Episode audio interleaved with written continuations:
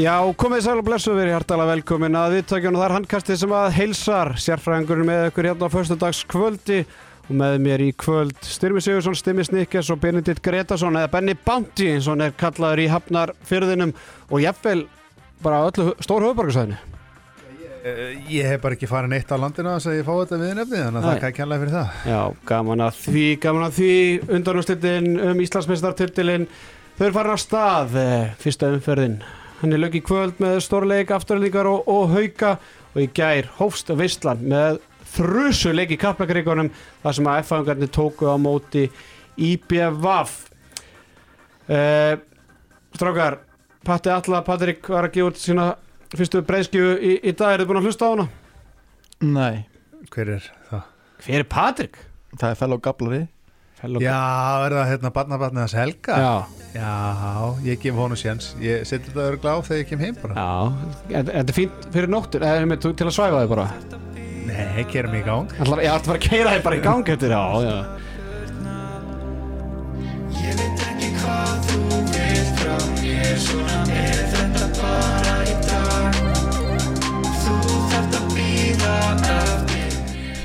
Þú fara að heyra smá meira svo vil ég fá einhvern benni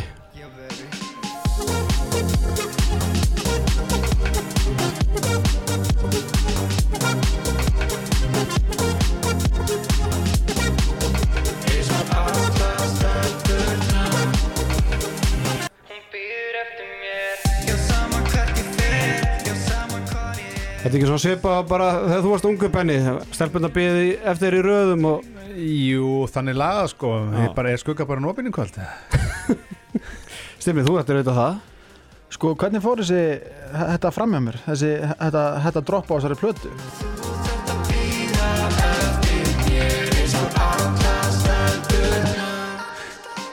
Sko, Bond er ekki búin að tvita neitt um þetta Ha? Nei, þessi ekki Bond er ekki búin að tvita neitt um þetta Nei, Það nei. er svona mín helsta upplýsing að veita um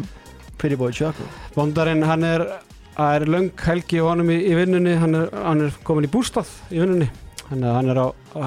langri helgavakt mm. þannig að hann var sannilega bara að undirbúa sig í dag en, en ég hveti alla til að fara á Spotify, YouTube og allar þessar veitur og hlusta á nýjastu breyðskifu Patrik og ég veit að Benny Bondi ætlar að gera það strax að- að þætti loknum. Herru strákar það er einu umræða sem að fyrir smá ekki fyrir ekki tögutan á mér en ég, mér finnst hún vera mjög svo aðtilsverð það er þessi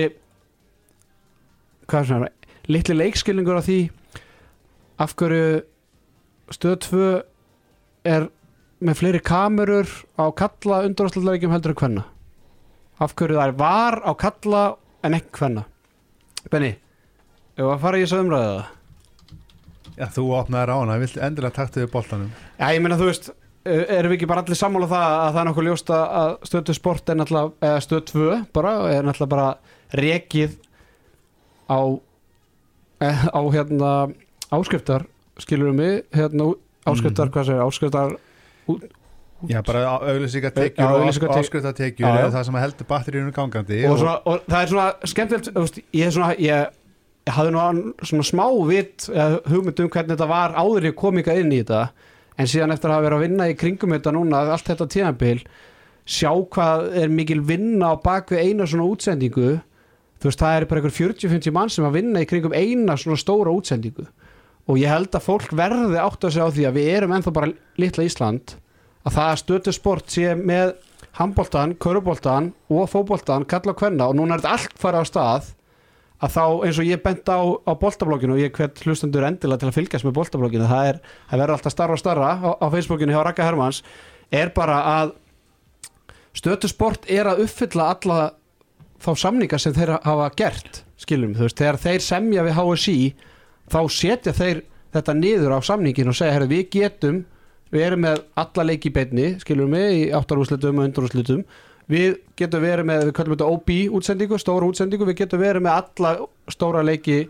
í undarúslitum kallamegin þú veist, það er ekki eins og allir stóri leikir í áttarúslitum kallamegin, það var bara einn af því að karvan var á sí- sama tíma og allt þetta Mhm. og svo og það er bara og það er sama með körfun og, og, og handbóltan hvernig megin að úrslitaðimi er í OB stóri útsendingu á, á meðan allir undanúrslitaleikir í, ham, í handbólta og körfun kalla er í OB, í OB og svo náttúrulega allir úrslitaðleikindir í körfunni þannig að þú veist þetta er bara reiknistæmi myndi ekki virka ef, að- ef allir ætti að fá OB skilur mig þá, veist, og, þá myndi, og, hvern, og við vítum það bara mi- eins og mikið við ætlum meira að ef allt í hennu hvenna væri OB í undanúrslutum þá myndi það fara kvartið að fá ekki áttalega skilur mig, þú veist að reiknistæmi bara virkar ekki svona Ég, sko, það er náttúrulega einhverjir bara sem að taka ákvarðanir hvaða leikir eru settir í stóruðsundingu og, og hvaða leikir eru settir þeir voru búin að bæta við reynda sko, þeir hafa verið með singulcam útsendingar voru með það í áttalega þeir eru komið með two-cam útsendingar núna Ok. þannig að það er allavega hægt að fylgjast með leikmönnum og- og nánarinn og líðan það er einn ein, ein kamerumæður sem eldir svona ok, at- það er atvik. alltaf bæting það er bæting sko þannig að þú veist, ég, þú veist, það eru þetta bara einhverju sem að taka ákvörðum hvaða leikir fara í OB og hvaða leikir fara ekki í OB og við verum bara að virða það sko ég hef svo sem ekki nógu mikla þekking á hvernig þetta virkar hérna inn nú sko Já, en það er bara svona, þú veist einhvern veginn umræðanum þetta snúist eitthvað endilega um kyn, þú veist þetta snýst alltaf bara um áhuga, áhorf og, og allt þetta skilur mig þú veist að það segir sér bara nokkuð ljóst að þú ætti að, þú ætti að velja leikin þá velur þú kallaleikina eins og staðan er í dag þú veist, Já, fyrir stöðu sem að treysti kannski mikið á auðlýsingatekjur og, og, og, og, og telur, telur hausana sem er að, er að horfa, það er hægt að fara í einhverja kannanir með það Já. þá er auðvitað undanústaleikur kalla megin að fá meira áhorf en hvernig megin já, En ég skil alveg þú veist, að, að það sé verið að ímbra á þessu já ég, ég svona átt ekki má, ég veit ekki hver innistæðin er fyrir þessu, hvort þetta sé bara tuð til að tuða og eitthvað svona minna á jafnbrendisbarátuna eða hvort það sé í alvörinni einhver innistæð fyrir þessu og fólk heldur bara í alvörinni að stöð 2 sé bara einhvern veginn að mismuna stelpum Ég held að sé alveg örugt sko að stöð 2 væri með þetta miklu stærra og veglera ef eins og þú sagði, þú sagði sko fótboltinn er komin á stað, það er náttúrulega svona þeirra stærsta epli Já, við- þú veist, stöð 2 á bara einn óbíl Já. annars það eru að leiðan af þú veist, Já, hérna, og karvan er að fara á stað með eitthvað rosalegt MV og síðan er handbóltin að kerra hún í það líka þannig að þetta er bara, þetta er bara eins og skuggabartum í Galanda, maður þarf að velja og hafna hvað þið tekið á þetta sniggars Um, ég skil alveg gremju leikmannana þú veist það er búin að berjast fyrir þessu og þú veist maður er búin að sjá það núna bara í hvernig knarsbyrðin út í heimi að þú veist hvernig á að auka áhugan ef á ekki að auka umfölluna líka skilur hann að þú veist það er svona kannski tví ekki að sver skilur hvernig átt að geta gert þess að vöru vinsalli ef þú leggur ekki meiri í hana Það er akkurat ekki og hænan sko, Já, er en- þetta vinsalt að því að það er sínt eða akkurat í en náttina sko? kannski svona með það sem þú ert að segja mig núna þá kannski væri bara réttast að beina reyði sinni ef, að- ef að beina reyði sinni eitthvað að HSI sem að semur um þetta þú veist þetta virðist vera alveg borleikandi frá stöð 2 en það er ekki þetta kvarta kannski bent í stöð 2 yfir þessu heldur forramunum HSI sem að hérna, hana, samþykja þetta, eða Já, skilum við já. en, en í, þú veist, í hvað stöðu er HSI þú veist, þá- stöð 2 myndi það bara sleppa því að sína ef það er því, sko, bara sett kröfur af því að allir leikir í undanúrslutum og jafnvel áttanúrslutum ætti að vera í stórri Mm. útsendingu þú veist, er ekki, það er verið að sína leikina það er verið að lýsa leikunum og það er marka, eða umfjöldan þáttu strax og eftir leikunum skilum við, þú veist, það Við, við, erum að, við erum að tölvöld betri stað en við vorum fyrir tíu árum við, Það má ekki glema þín nefnilega, þú veist að það er eins og, eins og ég sagði, En mikið það vill má meira alltaf gera Já, já. betur og, og hérna bara, bara já, þá það er náttúrulega bara, þú veist, að þá væri bara uh, hérna, má, eh, mánaðar eh, gjaldið á stöð tvö- töluvert dýrara og þá myndi fle- færri vera með áskriftina og þú veist en ég menna kannski breytist þetta með næsta sjónvarsamning er hann klár? Nei, nei, hann Nei, er nei, heitlur nei. En, þú veist, ég, en eins og sé, ég, ég skil báða aðeins, ég skil leikmennina að runna kvart yfir þessu að Þetta er ekkit endilega bara leikmenn, þetta er náttúrulega bara fólk út í já, bæ já, en þú skilurðu mig? veist, en, megum ekki, hæ- þú veist það, það, það má ekki hægt að berjast en þú veist, eins og ég, ég, kannski þetta er ekki það mál sem brennur kannski svona sem ég hva- hvað mest tengt við hverju sinni en ég skil þar alveg Þú skilur þær, já, ég skil þar alveg og ég skil s- stöðu tvö líka ég er náttúrulega bara að skil háið sér ekki neitt ertu sammála, sammálaðin? stelpunum, Já, Já, ég er þið potið pyrraður eða verður að fjalla meira um eitthvað þú veist, sambarlegt sport sem að ég var í þú veist, ég, ég, já ég, Já, hvað þú getur rétt ímynda hvernig við myndum, hvernig við myndum láta ef að við hefum verið að horfa á haukar aftur Er ekki á við- singulcam er ekki tvær vikur síðan við vorum að tala um það að þú varst að tala um að gróta fekk bara þrjá leikið sínda og einhver önnulið fengur sjö leikið sínda menn það Já, Það pyrrar er sumu deildinni já ég veit, þú veist ég er bara að tala um þetta sama, sama, ég veit þetta er sama sport, ég bara skil þar alveg okay. en ég er ekki rétti maður til að breyta þessu Þannig- kannski Nei, nei, ég bara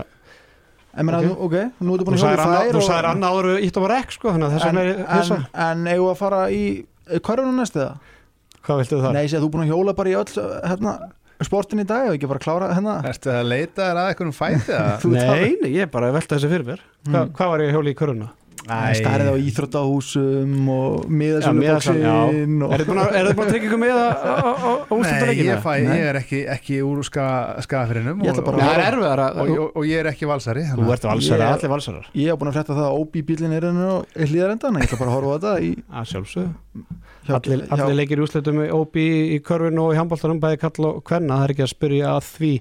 Herru stráka, vindum okkur í, í Moselsbæin þar sem að afturlendingu og haukar áttust við í fyrsta Nei, í fyrstu umferðinni í undanúrslitunum og þar sem að Mosellingar höfðu betur 28-24 Benni, 13-10 í hálfleik, þá held maður bara að það væri búið Já, ég er hættur um að minn maður Gunni Magg hafi verið þungur í hálfleik sko, af því að 13-10 eru þetta hans tala, gammal haugamaður en þetta virkar bara á ásöllum og ef að haugar eru yfir Nú, ok Hefur alltaf verið þannig eða? Uh, já, jú, jú, hefur ekki bara hafa það þannig ég, En þetta var ótrúlega skrítin leikur Ég sagði nú við ykkur, við vorum að spjalla hérna meðan leiknum stóð að ég fekk svona byggarúslita væp allan tíman á þessum leik því að mér fannst haugarnir vera með þá í algjör skrústykki í 40 mínútur, 45 mínútur þeir komist ekki neitt að voru að skora mörg eftir ykkur fráköst og ykkur svona drullu mörg sem lágu inn og haugarnir bara í raun og veru klauvar að vera ekki ég, eftir fyrirháleikin þegar staðan var 13-10 þryggja marka munum, þá hugsaði ég þetta ætti að vera 6-7 mörg sem það var ekki og eðlilega kemur bara jafn gott liðið sem Mosó tilbaka og afturleitin gerir þetta bara vel og þessi kaplið þarna Guðminn Almáttur það þarf að skoða það eitthvað og það kaplið sem ég er að vísa til er þess að 7-0 kaplið Já Náttúrulega eins og við tölum um haugarnir leiða í hálfleik 13, 10 og, og svo bara örstutu setna er staðan orðin sko haugarnir komast í hvað 17, 14 og svo breytir staðan í 21, 17 eða ú- 22-17, 22, 17 það ekki? nei þá er það 8, 0 kapli Já, það er rétt, það er rétt 21, 17 þá skora haugarnir ég held að hvort að það sé marki sem Óla Rægir skora þarna sem að uh, Jóhann missir í gegnum sig eða hvort að hafa verið 23 markið en hvað hann það, á þessu kaplastrákar þá kemur Tjörfið Þorgesson inn á í sókn hauka og ég ætla nú ekki að skrifa þetta endilega á það en, en þetta er erfið stað einhvern veginn og, og mér, fa- mér leið svona úst, að því að það var búin að umræða um það að umkoma hans í áttalúsletunum hafi nú ekkert verið upp á markafiska og þannig eru haukarnir þremörkum yfir uh, Guðmundur Bræi langbesti leikmaður hauka sóknarlega Óla Ræjur, Andri Már svona allt í lægi svo greinlátt að kvíla Guðmund Bræi og svo ok, Tjörfi getur tekið eina, tvæ, þrjá sóknir en einhvern veginn var þetta það þvingað og það áskeir áskeir tók ekki áskeir, Tjörfi út af Tjörfi röldi út af sjálfur og kalla á Guðmund Bræi Mhm. skilum við og það var á þessum kabla þetta er einhver 7-0 kabli en byrju, er ekki tjörfið sem hann kemur inn á því 17-17 eða 18-17 eða eitthvað, hann er ekki já, í 17-15 eða eitthvað já, já. og þú veist, en þeir skora ekki mark þú veist, þeir skora eitt mark þegar hann er inn Ég á held að Tjörfi hafi komið inn á sko, 17-17, nei. þegar, að- þegar að Guðmundur Bræði var búin að gera eitthvað Já, þrjá feila hann í er röð eiginlega- já, hann- Já. hann er eiginlega fengið inn á til þess að reyna kannski að koma smá ró á sóknuleikin Já, já, en Tjörfi var svo búin að vera fyrir aftan bekkin að hýta Já. upp mjög lengi þannig að það var Já. nokkuð ljóst að hann var að koma inn og átti og þetta var svona svipað rótiringu eins og var í, í áttarúslutum sem hann var að koma inn á en einhvern veginn var hann allt og lengi inn á þú veist, hann var inn á einhverjar 8, 9, 10 mínútur og það er, það er eitt mark það sem hann klippir Andra Már Rúnarsson inn sem að, að fyrsta markið sem þau skora eftir að innkomi hans og eins og ég segi, þú veist, að, að það ásker hafi ekki reagerað einhvern veginn fyrra á þetta og það ekki fyrir hann að tjörfi bara sá sóma sinni í því að labba bara út af og skipta sér sjálfur út af að þá kemur Guðmundur inn og, og ég meni, jújú, Guðmundur Bræði var tapandi boltanum, Andri Már var tapandi boltanum allt þetta, en þeir voru bara ekkert líklir en þá ætla ég að koma með eitt punkt hvernig reagerir á þetta því ég held að þetta sé miklu meira andlet heldur en nokkuð annað þú veist, það bara, þú, veist, þú, þú sást einhvern veginn bara haukalið kóðuna niður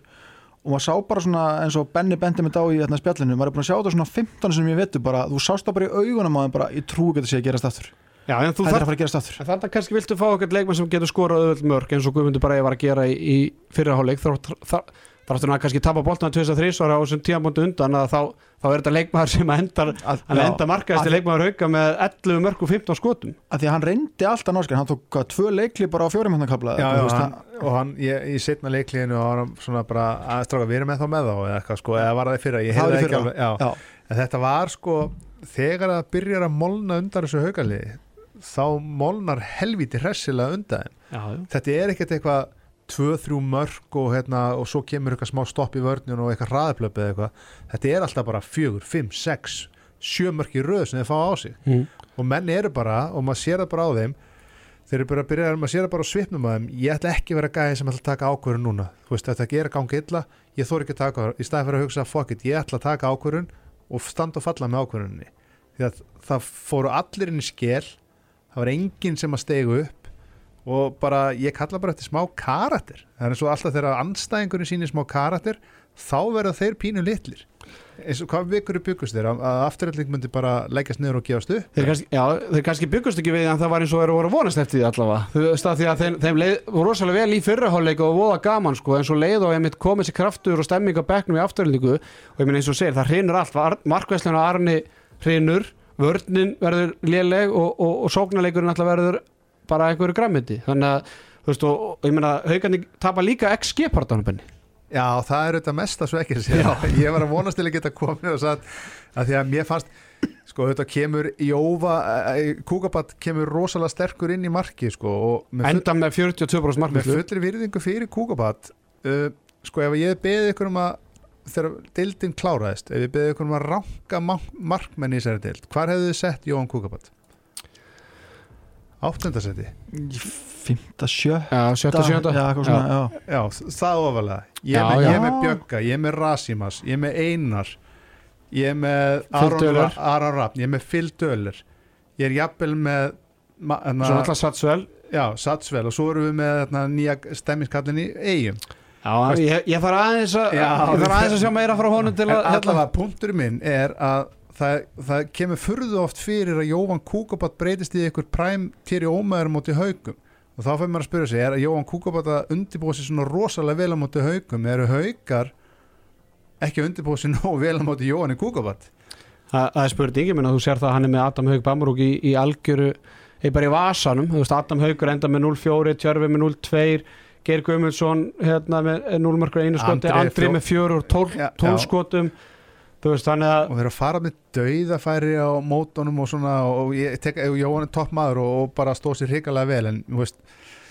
að einhvern veginn svona innstinn í hausnum þá var ég svona að hugsa hann er ekki svona góður Nei. en það er kannski bara ósangjant að segja þetta þetta, þetta markmenn bara niður á sína góðu leiki Magnús Gunnar Karlsson skoðið haukaði sigur gegn IPVF í fyrra í úlstakjarninni þannig að þetta getur allt gerst Það er hérna bara, með, eh, bara klárum haugana þá náttúrulega það sem að svona auðvelt líka á einhvern veginn að rýni, ég meina Brynjóli Snær hann er með eitt markur hægri á hotninu úr einu skot hann fyrir eitt færi í hægri á hotninu Stefán Rafn skorar eh, fjögum mörg tvöðum úr hraðaplöpi tvö mark bara í byrjuleik skorar á minnstur hotninu, síðan fá þau bara ekkert þannig að maður sér það, það er greinilega alltaf gerast bara í gegnum miðsvæði hjá þeim, þeir eru mikið að bl- hérna, klippa inn, andra þeir eru mikið að klippa inn Óla ægið, klippum geir, þannig að það er alltaf að gerast í gegnum miðsvæðið Heimir, Heimir Óli með eitt mark á, á línunni og hérna þráin ekki mark skilum við, þú veist það, Já, það er það- mjög óvanlegt þú fyrir ert bara, hauka þú ert búin að taka út bara báðir hotnarstöðunar og línumannstöðunar Já. þú veist það, þannig að það mætti alveg segja það ef þeirra ásker og, og þjálfur þeim hauka fara hans yfir þetta að þeir verða náttúrulega að nýta leikstöðuna betur en vellin, þetta má ekki vera bara, Guð- ég meina, Guðmundur Bræði hann er bara, hann er bara einskilsmins landið þarna. Já, já, og svo bara, þú veist, þó að Adam hafi verið skýt kaldur hann í fyrra áleik, þú veist, það hefði verið allt í lagi kannski að prófa hann setna áleik já, já, það er nú ekki verið Þú veist, Verra hann- allan á Hann á oft tímapunkti. mjög góða leikja móti afturöldingu, svo verður líka aðeins að koma inn á að, hérna, ég held að Gunni Magg hljóti að bara rifið í Birki Benedisson og bara, herðu, félagi, sérðu hverju á móti er varnarlega að því hann kemur út í setna áleikin og Andri Andri- Már Rúnarsson já. er á honum og líka í fyrirháleika þegar Stefán Rapp byrjaði náttúrulega í hotni í varnarlega í, sko. í Já, það er fyrirháleika kannski verið að kvíla hann eitthvað, ég veit ekki en hann er auðvitað bara að lappa fram hjá hann sko. Þú veist, munurinn og hæð og styrk þú veist, ég get alveg tekið yfirnættafindu á Röggu Gísla sko, þú veist, það var ekkert mál er það bara af því hún er hvern maður eða? Nei, að því hún er litið minn og léttar en ég Okay. en hérna, og svo bara eftir þrjúmarki röð frá Birki, þá rótir hann og setur hann niður í hotni og Stefán Raff kemur í, í bakverðin sko. ég, er svona, ég var ekki, veit ekki alveg með þessa ákvörðin að vera að nota andra svona mikið Bakurum, varnarlega. nei, þeir voru ykkur í baslegar með varnarskiptinguna en, en förum aðeins í afturlíku þar sem að Jón Kúkubátt var frábæð með 42% markvöslu Brynja Vigni byrjaði í markinu var, varði ekki nema tvo bolta af 11 Ígor Kopisinski var frábær sérstaklega undir lokleiksins hann var lengi í gang og fekk fá færi enda með sjömörkur átta skotum oft talaði um að hann svona er lélegur í klötsin en hann síndi það alls ekki í þessu leik Birkir Benedinsson steg heldur betur upp Ég ætla að reyfa hann aðeins í mig þarna eftir framleikin í, í, í, í hérna Úlfarsardalum þar sem ég spurði hann bara einfallega af hvernig hann skýtur ekki oftar á markið og eftir það hefur nú verið ágætis framistæði hjá, hjá drengnum. Átni Bræi komið bara í hægra hotnið sex mörgur áttaskotum og síðan alltaf endur koma bara ársins í Blæði Hinriksson bara hvernig anskotanast til mér var Blæði Hinriksson með í þessum leik Ég bara næði því ekki sko bara, ég held að hann væri bara þú veist, ég held að hann hefði farið í tvent á hann um öklin sko fyrir 16 töfum síðan ég var búin að heyra það að, það, þú veist, að þeir ætlu einhvern veginn að sa- þú veist, og það, er, það er ekki nema fjóru-fimm dagar síðan þá að þeir ætlu einhvern veginn að saxa hann í leik þrjú og fjögur eitthvað, þú veist, Mm. mm. eða það væri 2-0 undir eitthvað, ég bara, það er ekki séns sagði ég bara, það er ekki séns en það er hann, bara stutt á milli leiki og það er, þú veist, hann á ennþá bara tvær, þrjá vikur í land en hann hefði búin að vera í legkökun úti já, bara eins og finnur ekki hann fyrir fjóru-fimm árum Já, eða bara David Beckham fyrir eitthvað H90 eða fyrir 2002 eða eitthvað Hvað, bara, fem maður bara í bónus og kaupir sér legköku? eða? Nei, það er eitthvað serbi, það er serbnus kona sem er að, hérna, með, leg, með legkökunut en þú veist, þessi, þessi bati er undraverður og þegar hann hérna, fær krampan í lokin í lokin þegar að það var raunveru víðskotið af og hann liggur þá sér maður ekki hvort löppin þetta er svo þetta skiptuðu strax yfir á kamera og sá þetta var hinn já, og já. þá svona kveikta maður sennilega því að þú veist, hann er held ég það stíf, stíf teipaður að hann er í einhverjum svona aðeins öðruvísi reyfingum sko já. þannig að þetta held ég hafa nú bara verið krampi Þetta hafa- hafa gefið á þetta fyrst 5-6 vikur sko og hann er komin aftur sko rétt rúmlega tveimu vikum setna Já. sem er náttúrulega bara bilun sko en þetta landsleikja hlje, ég ætla nú ekki að vola of mikið, ég held að það hafi nú hjálpað aftur held ykkur tölvöld meir en haugum já, já, af því að þeir eru alltaf að fá gest Ólaf Ingvarsson líka inn í hægur hotni sem getur leist átna bara aðeins að hann undir lokin og svo alltaf Petur Júniusson líka komin á bekkin þó hann sé hann alltaf ekki í miklu hlut- hlutverki en ég mitt hugsaði þetta ég meina, ef þeir hafi bara kert áttarúslit og svo bara strax í undurúslit þá náttúrulega væri aftur líka ekkert á, á þessum stað en, en þetta er náttúrulega bara þetta gerð breytir bara öllu landslægi í þessu einví að blær sér bara klár og bara spilandi vörn og sókn og það var ekkert að sjá að hann væri ykkur, ykkur basli Ég ætla eiginlega að fullir það það að hann á eftir að finna fyrir þessum leik á morgun þú segir það Já, það er bara eh, eiginlega 100% sko að hann, eh, þú veist, maður sá að hann var aðeins að gretta sig stundum þegar Já, hann var já. að stíga niður og eitthvað svona svo ertu náttúrulega í adrenalín bústinu og leikurinn í gangi og gleymir þessu ég held að hann verði helvíti auðmur í fyrramálið ég, ég trú ekki öðrum sko en ég minna að hann verður bara settur aftur í vélmenn á skóin sinn hann og, og, og svo mætir hann bara ferskur ásvelli sko Já, en á sama tíma strákar þá náttúrulega var nýjasti landslæsmaður okkar Þóstilli og Gunnarsson hann var ólíkur sjálfur sér í kvöld Já, Já. myndi mig á Pascal Heinz með þessa greiðslu Já, Svona hann vandaði alveg hana kampin hann Já, vandaði hann ég veit að enda samt svona liturinn og svona, þetta var svona, þú veist, og bara stærðin á honum, þetta var svona, við erum komið álfuru, ál, álfuru kvikindi Já, loksins. hann er, hann, þetta var ekki hans besti leikur og kannski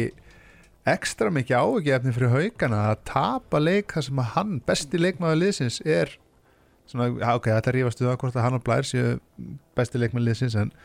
hann er algjörlega út á þekju sóknarlega Já, en mér fannst samt haugarnir tapin svo leik meira heldur en afturhendinga vinna Já, það var mín tilfinning líka sko en þú veist, við skulum ekki taka neitt af Nei, aftur nei, nei. þú veist, þeir bara gerir þetta hrikalega vel og áttu þetta skilið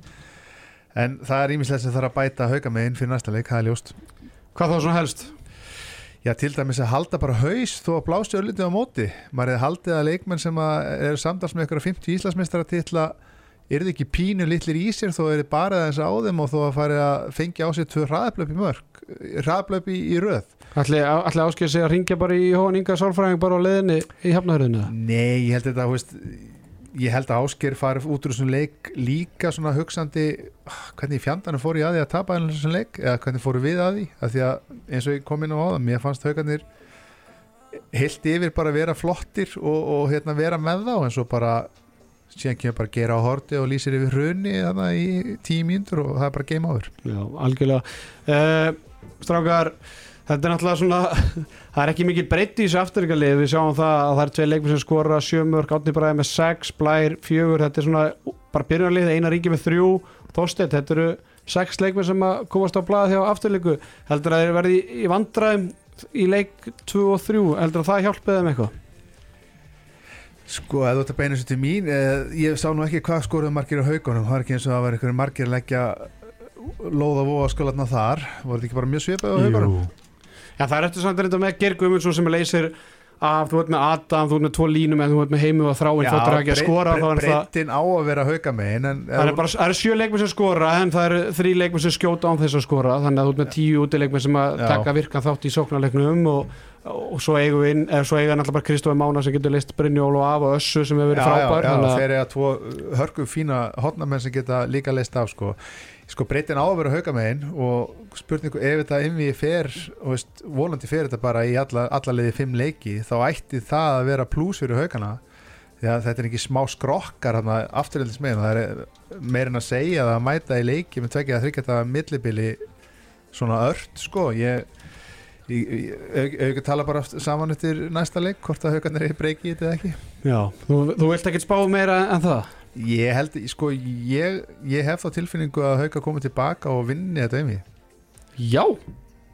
Ég er sammála hún þú sammála því Ég stjórn er sammála, ég er nefnilega sko sem svona hlutlaus aðal í þessu einví ólíkt benna, þú ert samt F-fangur þannig að maður er aldrei já, hlutlaus í þessu einví ég er að segja það, Já, já. það er aldrei Já, já. hlutlaus þegar haugarnir eiga í, en, í hlut en þá var ég eiginlega fegin að afturhending vann í kvöld upp á bara spennun í einvíinu þú veist, ég, við, þú veist, við þurftum þennan sigur af því að ég eins og þú komst rétt að linna þá tel ég bara að breytin í hau, haukalinu munu skila þeim ef þetta fer í fjóra-fimm leiki sko. eða þú veist, þetta fyrir alltaf í fjóra leiki held ég en ef þetta fer alla leið þá held ég að breytin í haukaliðinu Er ekki afturhalding svolítið bara að satsa á það að ná bara að klára þá í helst þrejum leik já, Ég það verð er að bara gera það það. er þeirra von sko ok, og, og svo eins og ég segi, Blæri komið tilbaka á 16 dögum, hvernig mun hann recover á milli þessar tvekja daga Ég núna hef þú veist? pínu ágjur að því að hann verði helviti ömur sko en, en, en hann, er, hann er ekki mennskur það er rétt, þeir, Þa, eru- Það kom fram í útsendingun í dag hann Já, er, þeir eru við spigður öðruvísan í kópaðunum, sagði Kelly já, já, ah. já finningarnir væri bara komin á jóla í, í bátatilbú Já. og, og ég veit En- ekki hvað og hvað Eitt mæ, mér lítið að svo sig má, ég- má ég fá að koma inn á eitt? mikið að svo takk Má ég fá að koma inn á eitt? Já, Á ekki mínar varandi hauka já, hvað þú með það, bara Hvað er á endilega. mætingin í kvöld til stuðnismunum? það var náttúrulega var fyrsti, fyrsti leikur í haugunum í annar deildum og þú þróttu vóma sem því Það er enda fjóri eitt sigur Harðkjarnastuðnishópur hauka og ég er ekki eins og að grínast með þetta margir svona eh, farveikir eins og Halli Sturlu og eitthvað þeir fylgja eiginlega öllum ítrótunum sko þannig að þeir velja á milli ég er ekki að segja að það hafi haft einhver, Og einhver halda áhrif. þessu bara í heimaböð ég, veit, heimaleg. ég veit ekki, ég held að haukar mæti vel í, í hérna, næsta leik og hérna, fylli eh, sín megin á stúkunni og búi til alveg stemmingu en ég veit ekki, það er bara að ég er búið að vera döft yfir okkur hauka fólki í allan vetur Verður sko. haldið samt að þetta, hef- þú veist, þessi sigur á móti val hefði aðeins getið upp með já, það þú veist. já, ég er sammála því og það var fín stemming í húsinu þar og fín stemming á byggarústaleiknum Já. þannig að ég, við skrýðum upp úr öllum hólum eins og valsmenn þegar að mikið líkur já og Já. hérna, svo náttúrulega var samfjast líka í kvöld sko já var samfés já, já, svo voru þetta hérna, var ekki Miss Brown í, í rúf og Jú. þannig að þú veist, það er þetta að týna ímislegt Nei, ég er að segja Já. sko, þú veist, með þetta litla hot og sem líka að- leikur náttúrulega var í OB líka sko þannig að náttúrulega fólki ný, Mm. nýtu þess En þetta hólf náttúrulega sem að haugarnir fengu útlutað þarna upp í, upp í Mosó var Stóla- skammalegt, skammalegt. stólarnir eru ekki ánægð með þetta maður ha, en það er samt, ég verð samt að koma að því sko, ég, ég, veit, ég hef ekkert fyrir mér í því sko, en að fá svona þú veist, óbí leik á föstaskvöldi Já, það ég held að vera heima það er helviti fristandi að vera heima með eitt bauk bara og hafa það Já. gott sko. stelpunna væri til í þetta maður Já, Nei, líka- hættu nú Já, nákvæmlega, líka þegar þú veist að þetta er fyrsti leikurinn í mögulega fimmleiki einvíum Já. að þú tekur þetta, þú veist, þú bara fer á næsta og veist, eitthvað súr miðugudagur þá hefði maður kannski bara skottast Já. þannig upp yfir og, og hérna kíkt á þetta en ég fór í Mosó þú varst í Mosó þetta var bara það var að lega allir neitt saman já, ég ok. náði ekkert í ykkur hann í fyrra álegnum og ég þurfti bara að henda bara Wi-Fi-ið og En en, svo ána, ánaði með af, hérna, róttöki að þeir eru ennþá að vinna með Chant of the Year 2009 það heyrist ekki raskat mm. já, og dómar fær róttök og allt þetta Það Já. var svolítið gaman að segja, sko, ég sá það í útsendingunni um þetta, hérna, fólk var lengi að týna sér inn í salin, það var greinlega verið vel veikt eitthvað þar uppi já, förstaskvöld og svona Já, þannig að við, við- við vorum svona Íslendinga voru samið sjálf að segja og, og, og voru seinir inn í sal en hvenar er næsti leikur? og mándaginn það er á mándaginn Já. ég er að vona að það væri bara strax á sundaginn já, fara stelpulegina Já, Ég- bara, bara gefa blæ minimum já, tíma til þess ég að hel, recover. helst spila bara í nótt sko, við á aftur Já, já, ég, það, svo er aftur tveit dagar á milli þannig að þetta, þannig verður rútínan bara að kalla með einn sko. já, Já. já, já Herðu, förum uh, í Kaplakrika þar sem að F-fangarnir tóku á móti IBF í stórkostlegum leik mér fannst hann tölvert betri handballaleikur heldur en leikurum var í dag kannski meiri hraði m- minna skora náttúrulega í leiknum í- í kvöld en, en staðan var í- staðan var 15-14 fyrir FH í hálfleiks en eigamennir þau komu heldur betur sterkir inn í segni hálfleikin og unnu að lokum fjagra marka sigur 27-31 þar sem að eh, já, Pavel Miskevits var hann ekki svona Stöðubolti var hann ekki svona saga leiksins endaði með 36% markvæslu 15 varðir boltar stimmið þú kaupir ekki all, allt þetta stuði honum sko, það er alveg hægt að vera peppaður Að- að En það, það, er, Róa það sinni er alveg verið að sko það, leikþátturinn er góður sko ég, ég kann að meta stemningsmenn sko en þetta er samt svona farið eiginlega aðeins svo mikið sko fyrir mér en þú veist samt gaman að fá karaktera í, í, í hennar bolta sko já, ég minn, en ekki bara fíla það að vera í OB Já, stóri útsendingu þegiðu Arnóta bara please getur við bara að fara ö, Bara og bara bolti- rætt þessa leiki bara boltinn boltin fer af hérna, vörninni til hann sko á fyrstu mínútu og hann lætur bara eins og hann sé nýbúin að eignast tvíbur sko, þetta er að- en hvort, að, hvort hann heldur að vera án, ánað með svona góða frammeðstu eða það að vera búin að gera tveggjara samningu í BF eins og þeir tilkynntu síðan strax að leik lokn Ég veit ekki bara samblanda þessu báðu Ég meina, hann er allavega í rétt að liðinu upp á stemminguna að já, gera. og þau verðast elskan hvítir Eyjan. riddarinn. já hvítir riddarinn elskar hann já en, En- þú veist Það er bara ég, ánægilegt allavega að fá svona karakterinn í deildinu og ánægilegt að hann verði áfram að, að félagin sé að ná að halda þessum útlendingum en sko þú veist eigamenn þeim vantaði þetta en ég ætla samt ekkert að taka neitt af þessum sex gæjum sem, stóð, sem standa fyrir framan hann sko það Nei. er helviti gott að hafa þá Já, sérstaklega í setnaleg þá var þjættist vörðin eigamanna gríðarlega og hérna F-hangunni lendur bara í gríðarlegum vandræðum en við ræðum kannski F-hanguna á eftir en, en já, Pavel var svona saga leiksin sem var frábær í, í marki eigamanna Arnú Viðarsson steg heldur betur upp og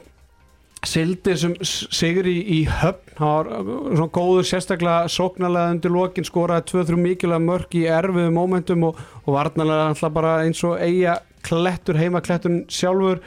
uh, Jú, jú, talandu sögu leiksins þannig alltaf verðum við að ræða þetta rauðarspjál sem að Jón Bjarni fær hérna eftir umlega tíu mínúna leik þetta þetta rándir þræfæðingana líka í ljósi þess að Ágúst Birgisson er alltaf verið bara að glíma við meðsli og átti greinlega ekki að fara að spila svona rosalega mikið eins og að neittist til að gera í gær Já, sko, eða þú hefur sagt við mig sko fyrir einhverju mánuðum síðan að, að leikurinn hefði nánast verið bara búin eða Jón Bjarni Ólafsson hefði dottið út sko það hefði bara hleyjað þeir sko en Já, já. þetta var hrikalegt högg fyrir F-hænga því að Danni er náttúrulega bara þú veist,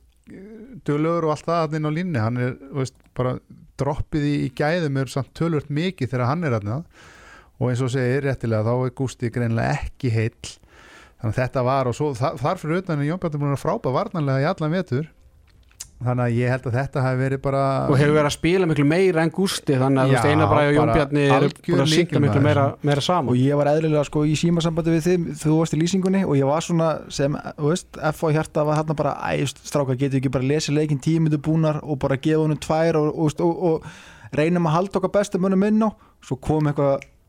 sjónarhótt já, loksins hægt. þetta var og rauðast að þetta spjátt var í bara, heimi sko. og þá bara nei, og veist, ég man að þú varst að senda mig bara pjúra raut og ég bara, já, sá það þarna. þetta var bara, það, það var ekki hægt neitt annars sko. Nei, þráðbein hendi beint í Já. hans sko. En hann fór ekki í leikbann, þannig að hann verður klár á, á sunnundaginn, Ok, þessi ok. lið mætast Það er gott. náttúrulega í öðru leika á, á sunnundaginn uh, Klárum bara eiga liða eins strákar Rúna Kárásson hann alltaf var allt í öll í sóknarleiknum í, í,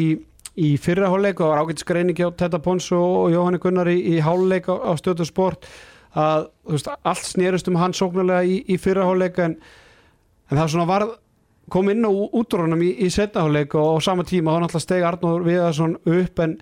En Rúna Kárásson, 7 14 skotum, fjóri tapa boltar, eitthvað tvæð-þrjá línusendingar sem að voru bara auðlesnar. mm -hmm. Þú veist, eigamennir eiga, finnst mér svona 20-30% inni af Rúnari Kárásinni fyrir næsta leik. hann var að þvinga sig í allt og mikið þannig fyrirháleik sko. ég hugsaði bara, þú veist, hann getur ekki haldið áfram svona í seríunni sko. Þú veist, hann hefur alveg sína meðslasu og allt það og hann var bara ákvæðan að taka hann ekki góð á mörgum, mörgum stöðum og eitthvað og sem betur bara fer, fer fyrir eigamenn þá stigu bara alveg gæðar upp og ég verið að minnast líka á Elmar mér varst Elmar mjög góður í þessum leik stýrði sér vel, skoraði mikið á þeim mörg var að nýta færi sem vel en Arn, þessi Arnór Viðarsson er náttúrulega þýlíkt topp inntak sko, hún getur treyst á hann bara á báðum endum vallarins og þetta er bara gæði sem að dýfi sér á eftir öllum boltum stendur eh, einhverjar hindranir sem hann á ekki að standa og bara frábær sko. Einhver myndi segja landslýsklösa. Ég veit ekki með það en, en hérna, það var ótrúlegustu menn spila landsleiki fyrir, land, eh, fyrir Ísland Hver er ótrúðasti leikmæður sem spila landsleik í Ísland? Sigur Án Sigursson, Diddi? Didi Já. Ekki kannski ótrúlegasti en, en, en eh, eh, hann spilaði eitt landsleik eða tvo fyrir eh, þegar bóta var með lið Já, ok, var hann í bó, tím bótan hann var Var tímbótan gaup á bekknum með það? Ditti var reyndar markaðasti leikmaður efstu delta 1988 með haugum Var hann í skittunni eða í hodninu? hann var í skýtunni, Ok, örfendur eða ekki? jú, örvendur þótti mikið efni en ég, og veist, akkur eru að tala um Ditta tölum við vestmannir En sko, aðeins aftur að hann rúnari þú veist, jú, hann var að reyna ógeðslega mikið í fyrirháleik en F-fáingar líka voru að fókusa ógeðslega, það voru ógeðslega mikil orka í F-fávörðinni í að stoppa rúnar og mér einhvern veginn fannst bara svona ganguleiksins einhvern veginn að IPVF var bara svona að þreita bráðuna sína Bá, á báðum enda vallarins, þeir eru bara miklu stærri og sterkari Bara Þetta- lagsveiðin Já, þetta var bara pínu svo emitt að þreita lagsin skilju, þetta var bara þú veist, það fór svo mikil orka í FH í að stoppa það í vörninni, það fór svo mikil orka í að, í að skori sem mörg og svo bara í setni hálfleik þegar Pavel vinnur okkar næri þessum, þessum boltum vörðum þá er þetta bara svo þreytilu skot á staðina sem þú vilt að þið skjóti á þú veist, þú veist, þá er FH fannir að skjóta í hotni sitt af því þið drífi ekki lengur yfir hávörninu þetta var bara svona að dróa öllum einhvern veginn þannig að, þú veist, jú, jú, Rúnar á örgulega 20-30% inn en mér fannst hann samt vera að gera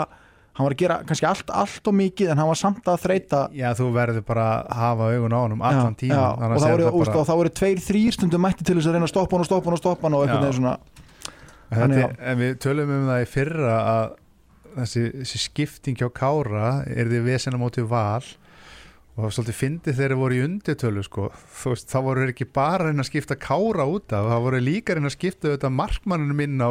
Já, já, líka Já. sko. tölskipting og það enda var fengur bara að þrjú mörki röð frá miðjunni sko. Já. þetta er vesinni, það er spurning hvort að hvort það ætti bara að spila 5 móti 6 Og Það var líka svona oft þegar Rúna var kannski að skjóta svona off tempo að að bæ- Daniel eða Da- Janus voru bara ekki tilbúin að skipta því að var ekkert enn að taka bara stöðu sko. skot Já, og bara já. var allt einhvern veginn hann var bara heitur á þeim, þeim tjópunkti en hann, hérna,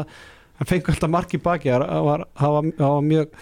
kostulegt. Herðu strá, förum í F-áliðið. Uh, Áspjöld Friðjónsson endaði markaðast með 12 mörg uh,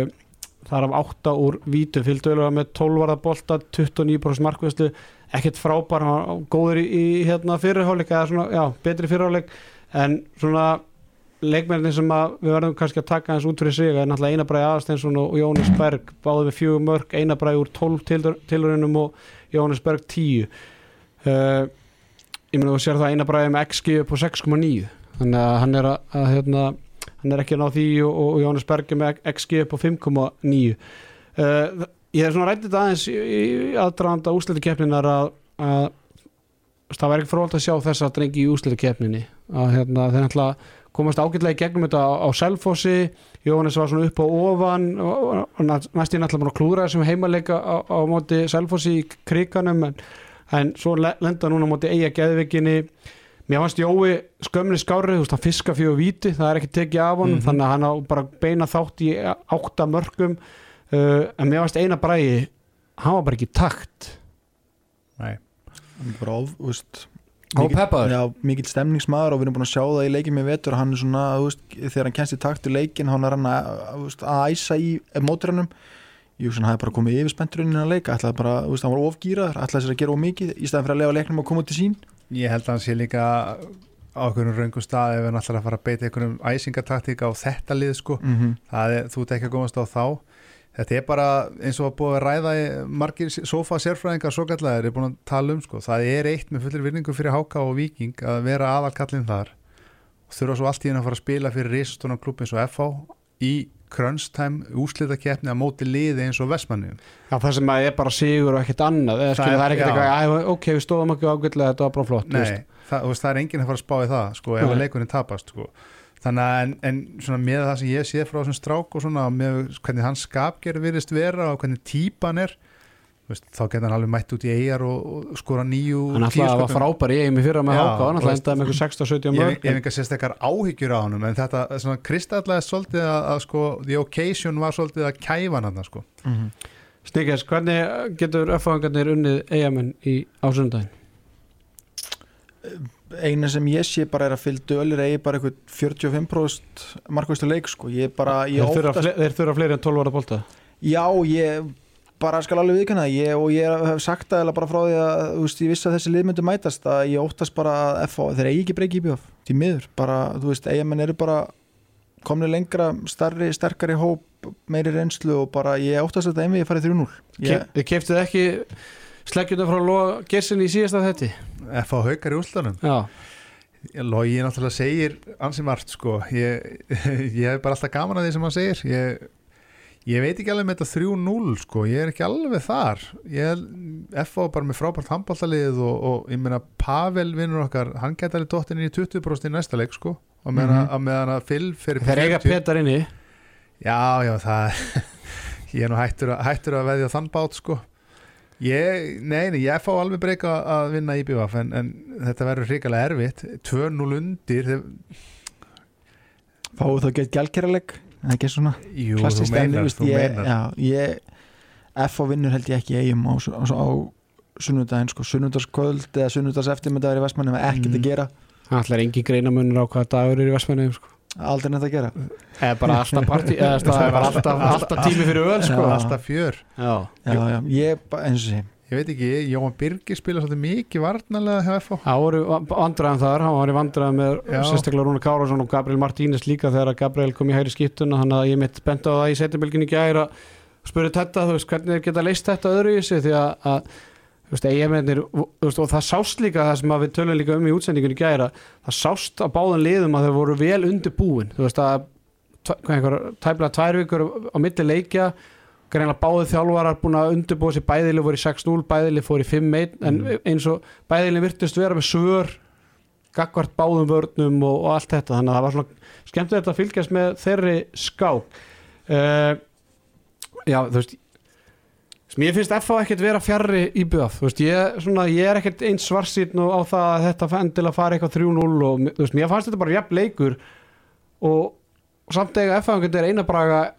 algjörlega inni þú veist, þeir eiga, ég ætla ekki að segja þeir í Egil Magnússon inn en Egil Magnússon annarkort getur gert betur eða þarf ekki að spila svona rosalega mikið þú veist, þeir eiga hotnamennina inni ég meina Birgir er með 50% nýtingu bæði mörg bara úr hotnum, hann fær ekki skot úr, úr hægur á hotninu tölandi fylg dölur, ég sé alveg fylg dölur eiga 1, 16, 17 var það bolta í einu leik, Já, þannig að klálega. þú veist með Jón Bjarna í, í 60 mínútur þú veist, að, mér finnst að FH getur ekkert fjarrri eigamönnum eins og þú veist, margir einhvern veginn vilja meina og, og hérna, en það þú veist að ég myndi aldrei betta á móti eigamönnum í, í, í vestmennum skiljum mig og, og hérna gamla góða þrýtryggingin að koma núna Já, nei, ég sagði nú bara að þeir væri ekki langt frá þessu Nei, skilurðu ég, mig. ég er alveg sammála því Þetta er nú bara ertu saman á því Nei, ég meina, þú veist, eh, þetta eru 2-3 mörg öruglega bara svona á hérna, millis að liða en mér finnst bara íbjöða að fara betri Já, já, ég, er, Já, ég var að segja að mér finnst bara FH ekki vera jafn langt Nei, frá því að það það, var- er algjör synd að þetta færi í 3-0 já, það, skilurðu var, mig, já það var ekki heldur eins og ég hef verið að tala um að þeir myndu vinnenda með 11 mörgum í eigum sko, þú veist, þeir, þeir eru bara betra á þessu móment og enda held ég að við spáðum bara titlunum en það fyrir einhvern 3-4 vikum síðan Verður þetta 3-0 eða? Ég held það, ég held ekki, nei nei þetta fer já, 3-1 jafnvel 3-2 sko en ég held að ég hef með klárið þetta ég ætla að segja að þeir taki næsta leik út í eigum en FH Kjálkjaraleikurinn vinni, vinni í kriganum og svo loki er þessi í eigum 3-1 Já, það var ekki ósennilegt Þakkar, hlustuðu á útsendingun hjá mér á Gaupa í,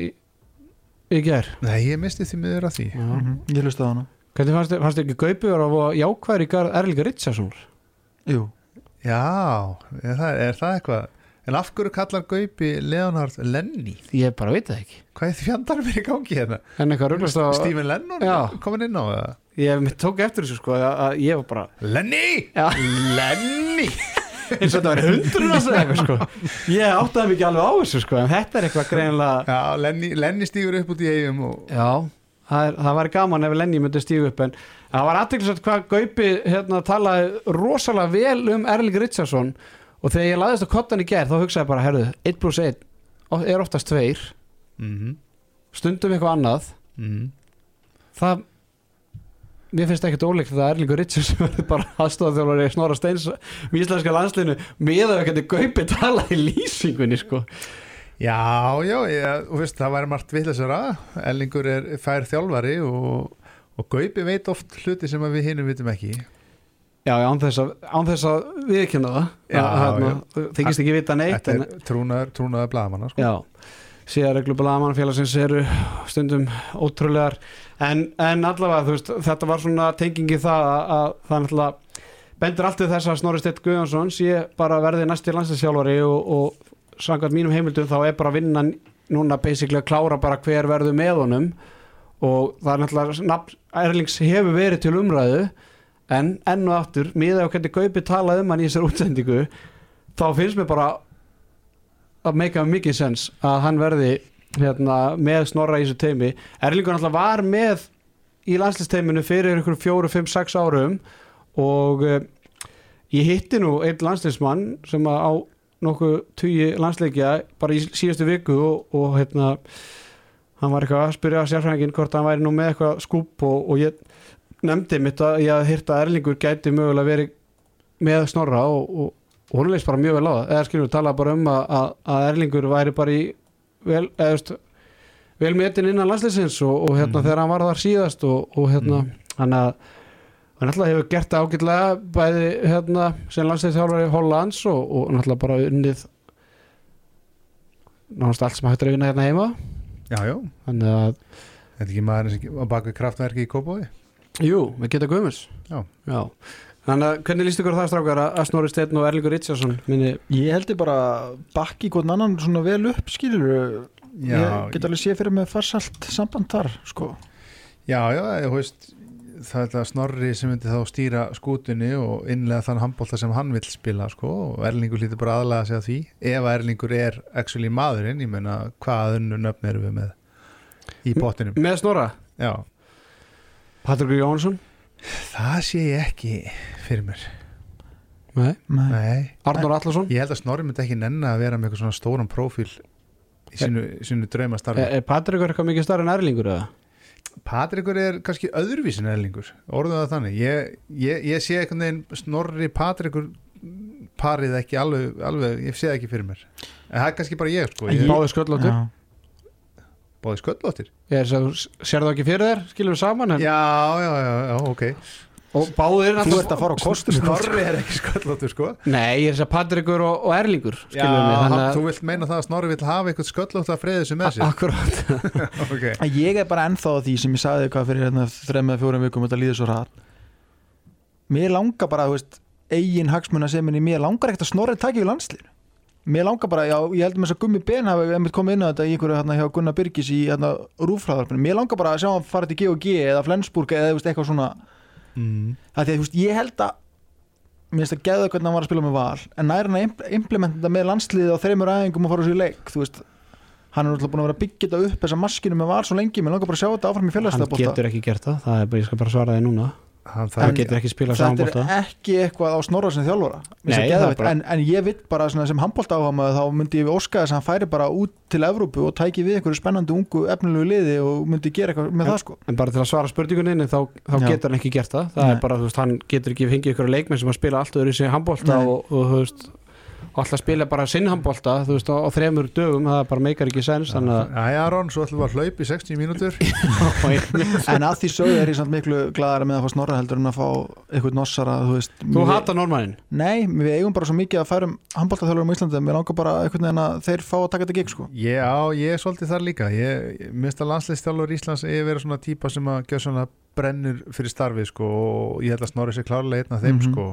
Ég er ekki alveg viss, þú veist, og þetta hefur verið gaman að fá eitthvað faglegan erlendan þjálfara og allt Já, það þá í 100% gigi, ég þól ekki þegar menn er að taka Já. þetta með einhverju öðru sko Þú veist, þú ert landsliðsjálfari hjá landsliði sem að áalega geta verið í topp 5-6 ef, að er, ef, ef allt fellur fyrir okkur Já, þá finnst mér bara þá ég er að vera í 100% starfi og ég kom inn á þetta í janúar að ég þóldi ekki að gummi gummi væri með Fredricia þú veist, og svo myndi bara mæti þetta gig þú veist, ekki það að hann eru örgulega sett fullan fókus á þetta en mér finnst bara landsliðsjálfari þú veist, þú myndir aldrei, sé- eða, við sjáum þetta minni í fótboltanum Já. eiginlega bara ekki neitt kannski öllítið meiri peningar Já, en minna, mér finnst bara HSI eða þú veist svona samband að ég get að borga manni millistjórnundalögn Já, nákvæmlega á meðan, á meðan grindaði getur gert það í körfinni þá lítur háið síðan geta gert það 6500 sjö, sjö, sjösta hundru 75 dólarar Já, fyrir fyrir tvekkja metra dana sem spilar ekki vörn já það er nú ekki amalegt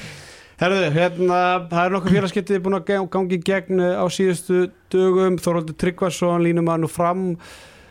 hefur skrifandir samning við aftur líka Já, ég hef búin að segja ykkur þetta Já, þú varst múin að nefna, nefna þetta við okkur og, og hérna svona, svona bendir þá allt til þess að Einar Ingi Hrafsson leggir skóna á hilluna að myndi maður halda 39 ára og verður 40 ára á næsta ári þannig að það svona bendur allt til þess að- að Þó- þeir sé að tryggja sér Þorvald Tryggvason í, í staðin fyrir Einaríka Rapsson Mónsi Lilli úr, úr Mónsensbænum, hann er komin í, í val og, og hérna tekur sér sætt á bekknum þar Nei. Já, ég menna það er um, bara mögulega að Vigni Stefánsson og Finnur Ríki Stefánsson bara leggji skona á hilluna, það er svona Það er Mónsjónin hotnamaður nummer eitt Já, og mér finnst það að vera svona 50-50 svona með hvað ég heyri svona út undan mér hvort að hvað þeir gera, þú veist, þeir gæti alveg verið áfram en, en ég held að þetta snúist líka með það bara hver er þjálfa liðið og, og allt það uh, Viktor Sigursson alltaf skrifundar hjá, hjá íringum nei, hjá Val, íringum knái en á sama tíma strákar þá svona eina stærstu félagskiptunum en ennþá Tryggvi Garðar Jónsson fari í fram og ég spyr bara, þú veist, hvernig gerist þetta? Ég meina, Benni, þú er ekkert ánæður ef bara Guðmundur Bræði færi bara fritt í stjórnuna eða Nei, alls ekki en þú veist skulum samt setja ekki jafnaðmerkja mill þess að vera sko svona pínu varaskefa í frábærliði eða aðalmaðurinn eins og Guðmundur bara er hjá haugunum Já, en, En náttúrulega- Tryggjögarar hefur potential til að verða frábær en, en þá er ég alltaf að tala um það Tryggvi Garðar náttúrulega yngri Guðmundur Bræði þannig að segja um að Guðmundur Já. Bræði bara fara fritt í aftur líka í fyrra staðan fyrir lán eins og skilur- leit út fyrir að hann myndi gera á, á tímabili, Já, já, en gerðist ekki þú veist gerist ekki, ég hef orðið brjálæður Já, ég, er- ég held að það sé nokkuð ljóst og, og maður finnur það svona að- að að kommentakerfi hjá val það er svona nötrar aðeins yfir þessu og ég, ég skilði það alveg þú Já, veist að það eru rosalega hræringar ef að Snorri er náttúrulega, ef að hann er að fara frá skútunni þeir eru að Stífin er að fara, Arnur er að fara, Vignir kannski að hætta finnur Finnur kannski Sakai náttúrulega markmann að fara þannig að þau vantar líka markmann Já, þetta, þetta verður svolítið upp í loft hjá Val ef ekki bara afhenda FH titlinn núna næsta ári. bara fara þangað Fara þangað strax. Uh, Niklas Satsvel, hann hefur yfirgeð káamenn, drákar markmann knái færingurinn og, og hefur gengið til liðsvinn ílega í norsku úrvastildinni og svo komið fréttir í dag að Alan Norberg, hinnfæringun, hann er að förum einni frá káa, stimmi, þetta lítur ekkert rosalega vel út fyrir káamenn Nei, nei, þeir munur örugglega ná í 2-3 erlenda leikmenni viðbót bara og halda fram að byggja upp á þessum ungu drengjum og svo bara eru vikingur og fjölinn á leiðinu upp og það er spurning hvað háka að gera en þú veist, káa bara verður á söpum slóðum og þau voru í vetur halda sér örgulega sínu sæti Já, þú veist, þetta ég- er bara, þú veist Já, en þú veist, Þeir voru Þeir- náttúrulega þeir- einum leik frá því að falla sko í já, dag og þeir eru ekki eftir að sakna þeirra neitt rosalega mikið sko. Ég var nú að kíkja á tölfræðan hjá Alan Norberg, hann er búin að vera skelvilegur í vetur sko. já, já, Satsvel eh, með hérna Sa- bestu Satsvel er fín, prósentum Satsvel er hérna, fín, já. deildinu og, og það er erfitt fyrir káamenn að, að fá einhverja klassa ég meina- markmann Já, ég meina kom, Matas? ég meina kom ekki einhverju norsar bara með þjálfurunum heim, þú veist Norski skólinn Já, hann er þetta búin að vera að þjóla kvennalið í tíu ári, ég ætla ekki að vona að ætla, að hann ætla ekki að vera það er kannski sínt kallaboltin úti hann, er- hann er kannski búin að sjá okkur óbí út, út, útsendinga frá norsku deildinu og Nei, er getur þetta verið að ekki, skoða allt- er þetta ekki allt gegnum í, í netinu bara, Nei, ég spyr því, ég veit norska, ekki leið, norska leiðin á, Mm. ne, á netinu bara uh, hvað er að gerast í Garðabænum? Styrmir, ekki neitt, það, hefst, ég heyri ekki neitt og það er ekki heldur ekkert að gerast menna, eins og þú, ég er enda búin að heyra saman þú að, að hérna, Tandri var í viðræðan við afturrendingu og það verðist vera bara úr sögunni eða, Já. þú veist, og hérna það sem ég heyri er að hann verður líklegast áfram í stjórnunni en að öðru leiti voru við ekki að ræða um daginn er ekki þrýri eða fjóri leikmenn sem eru með fastna samningu Jú, og mér svo skilst eru- það að það sé ykkur fjóri leikmenn sem það er er fasta Hergeir samlingu og- já, og- Hergeir, eh, ykkur markmaður starri, eða eitthvað, ég man, man ekki sem hvað það eru sko, ég Já, veit, Hjálmtýr Alfreðsson. nei ég held að hann sé búin að Nei, rifta hann er búin að rifta, ég held að hann flytti Erlendis eða eitthvað, hvort Já, að kærast hann að ok. spili í Sviss eða eitthvað svo Það er svo ekki Leo, jafnvel á leiðin í HK og sko, það sem ég hef heyrt Björkja hætta og það sem ég heirt er basically það bara að það er allt bara eins og, eins og styrmið segir bara á ís í Garðabæ það, það, það, það er ykkur fjóri leikmur samning en það sem þeir hafa núna í budget þá geta það bara ekki réttlætt að, að fara framleikja við tandra eða hvað eða skilum við þú veist og, Mm. og þannig að þannig að þú veist og, en mér skilst að flesti leikmunni vilji vera áfram leiðis en ég svona setja alveg spurningumerki og ég skilða að menn vilji vera áfram af þeim díl sem er að vera á af því að ég held að Tandri Mart Konradsson fái hvergi annars þann, þann díl sem að hann er á í stjórnun einhvers annars staðar og, og það er ka- sennilega kannski ástæðan fyrir að afturlík Baka út bakkaði bara út þegar að einhverja samningatölu komu þannig að þú veist það er vola auðvelt fyrir Tandra og einhverja leikmenn segja bara svona, já við viljum vera áfram en á, en á þessu díl skilur mig að því að þetta er náttúrulega bara hvernig þetta er búið að vera reiki undan farin ára en náttúrulega bara með reynum ólíkindum þú veist að ég er náttúrulega hefur náttúrulega verið í þeirri stöðu að, að, að vera hinum við borðið og vera eitthvað að ræða við leikmenn sem voru annarkvort samlýslaus í stjórnunni eða ég vil að vera að ræða við leikmenn sem að endu í stjórnunni og tölutum sem er heyrt ok, þetta er ekkert þetta er ekkert grindaðugurlaun í körfinni skil, skilur mig, en, en, Nei, nei. en það finnst mér það bara langt yfir að vera eðlilega tölur en, en einhvern veginn bara eitthvað svona leikmannum með 14, 15, 16, jáfnvel 17 séu bara að fá okkar að peninga upp það er ekki skrítið að svona, svona fá menn bara í bakið þegar að eitt TM fyrir, fyrir í veskin sko Já, þegar TM bakkar út Já, þannig að ég held að svona staðan sé svona frekar erfi í Garðabænum en, en þetta gæti allt rettast en, en þá þyrfti Hárakadímin að stíga inn og, og gera eitthvað langtíma samning góður Slí, rí, Rifta samlingum við hérna vallathulin, það er nörgulega góð kúla mánuði það Maka þið, disco? Já. það er alveg rétt Herðu, uh, Thijs Kokk, Sönnegard, leikmað Gróttu, hann er á förum frá Gróttu þegar eh, hann er búin að vera með eitthvað samning í höndunum í, í fleiri, fleiri mánuð og það bara leit allt út fyrir það, hann er bara áfram í Gróttu en, en síðan bara undir lokin þá er hann á leiðinu til Þískalands í fjórðu deildin í Þískaland og ég var, Já, ég var einmitt bara að fá það sent núna að hann er á leiðinu til Tvoldenburg í fjórðu deildinni Tvoldenburg Já, er, Já, er hann bara að hitta Sögufrætt er hann bara að hitta Bjarnar Arun Eiri nei, hérna, er Bjarnar Arun F.A.N. hvar fyrir það? Já, sennilega, og, og Bubba og, og Tónar Rúnars og eitthvað Nei, Þeir, eru- var hann ekki eru- að láni eða? Nei, hann var ekki á láni ok, Hvaða level er á fjórðutildin í Þískalandi? Er það ekki bara eins og grillið eða eitthvað? Jú, en það er bara óalega misjátt, skilum ég en held menn að fá sé- borgað Hann er að fá borgað, menn hann fá elskar að borga. fá borgað Já, Nei, ég held að þetta snýrist eitthvað um nám A- hvað a- er Svolenburg? Þetta er eitthvað TVAF D. Holdenburg, Tvo- Tvoldenburg Ég veit ekki hvað það, er. ég ætla ég ætla að googla, ég verð með það í næsta, næsta þetta þetta er Ga- kannski við Gangi, dönsku landamæri gangi kokkaranum bara sem allt í hæginn þar Já, Það var gaman að hafa hann í dildinni það var, já, alltaf gaman að fá okkur Dani Það er alltaf að fá Dani sem var að spila í úlistildinni Herðu, strákar, uh, selfinsikarnir þeir eru búin að semja við spánska vinstri skiptuna sem að var á reynslu hjá þeim ykkur fyrir 2-3 viku síðan Ok, er í samlinga að vera við litánskan landslismann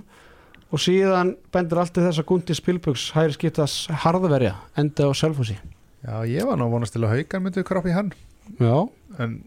það var bara ekki, gekk ekki Ég er nefnilega gott að fá þess að fréttir af selfisingu Ég hafði svona pína áhyggjur af þeim á næsta tíðanbili En þeir eru greinilega byrjaðar að múr, Safna í lið. múra hans í, í brestina já, sko. já, þeir eru búin að safna í lið ég er eitthvað svo kaupi ekki alveg litánskan landslismann hann ætla að eh, gítis þarna í FH hann ætla var örfendur landslismæður sko, hann var verri en nánast engin í liði já. FH eitthvað, þannig að ég svona set Svo er þetta oft sko þeir koma hérna undir þeim formörkjum að vera landslismenn þá hafa þeir spilað einhvern veginn æfingarleika móti sko Kolbin segja eða eitthvað sko bara eins og Diddy á bátnum tímunum Já, við skulum ekki, ekki fara að trassa dittan eitt meira í þessum þætti Herðu, að- í lokin þá náttúrulega uh, vildum menn fá, fá skýslu úr eigum og uh, þeir eru ennþá höttunum eftir örfendri skýttu ég náttúrulega greindi frá því fyrir mánuðu síðan að þeir var að býja til svari frá Harnarbyrki og, og nýjustu fregnir það er að, að deadline er 31. mæ Ok, Harnarbyrki er heldur betur að, að láta eiguminn hanga nú er, fi- nú er fisk yðjan eða hvað þetta heitir hann þetta bíó hann í Já. eigum nú, nú eru þeir að móka aðeins meira undir hann en til vara þá eru eiguminn einni í viðraði við Agnars Mára Jónsson og Hafþór Vignesson Agnars Mára Jónsson, Já. er hann ennþá söluvara? fyrir eiguminn Já, Já, hann gæti nú svona reyndar alveg dottið bara aftur í gamla akka Já, já, ég meina, en þeir vanta bara þau vanta bara örfendar leikmann Já, og svona það sem að eigamenn hafa varandi með Hafþór Vignesson er að Hafþór Vignesson fór náttúrulega til Noreg svona á miður tíðanbili og, og þeir heldu að örfendar skitta sem var undan myndi fara en nú eru ljósta að hann verður áfram örfendar skitta nummer 2 á næsta tíðanbili og, og það eigamenn binda svona ágætlega vonið að það er bara möguleiki að fá Hafþór Vignesson og það verður alltaf bara frábærtur í deildin að fá Hafþór aftur heim ætla að fór til hérna, Þýskarnas í aðra búndislíku fyrir tíðanbíl og, og fór síðan til Norex síðastrákar, síðasta slúðri hérna inn í nóttina er að Sköfde eða sjöfði Sjöfde Leðans Jónna Mag sem að Jónni Mag er, að- er að fara að stýra Höfði. í Svíþjóð þeir eru bara í bullandi peningvandra Já, ég er búin að heyra þetta, þetta væri eitthvað að, að rinja um sjálft sig þessi, þessi díl já, Gæti ég að bara komið heima aftur kallin er eitthvað ástand Í í vest- heiminum eða? er eitthvað, þú veist, er eitthvað, þú veist, er eitthvað peningavandræði Ég veit það ekki, ég, með að við exit þættina norsku þá er ekki vandræði í Noregi sko. en þetta er alltaf í náttúrulega Svíþjóða fyrir og, og sang- samkvæmt mínu heimildu hefur þetta náttúrulega líka áhrif á það að þeir náttúrulega hafa reyna- reynt að fá Birgistein Jónsson hérna vinstir skiptu gróttu og, og ég, ég svona ég hef heimildu verið því að það hefði átt að klára það bara í vikunni en það er bara komið á, á ís þannig að eh, það er svona svona ótr, eða, svona, ég- maður er ekki heyrt þetta áður einhvern veginn að þjálfarasamningur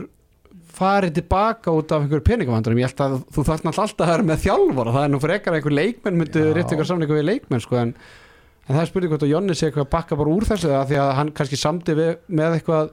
í huga ok, ég get þá sótt tvo þrjá leikmenn og svo hann er bara en, forsendabrestur en en, minna skilum að það ekki alveg því að nú bara þú veist þarf hann að flytja út með alla familíuna þú hann veist, ætlaði bara að fara einn Ætlaði hann bara einn, ok, já, þetta er náttúrulega svo að- að hörku skuldbyrning svona að þannig að hann veit kannski að hafa þetta alveg 100% þegar hann fer Já, ég skil, eða, þú veist, ég skil alveg að ef hann, ef hann á fara að fá einhvern minni samning, skilum við, en ég hef, nú, ég hef aldrei heyrt það einhvern veginn að, að það er reft samning við þjálfar og endur samið, það er nú frekar einhvern veginn að það er gert við leikmenn, já,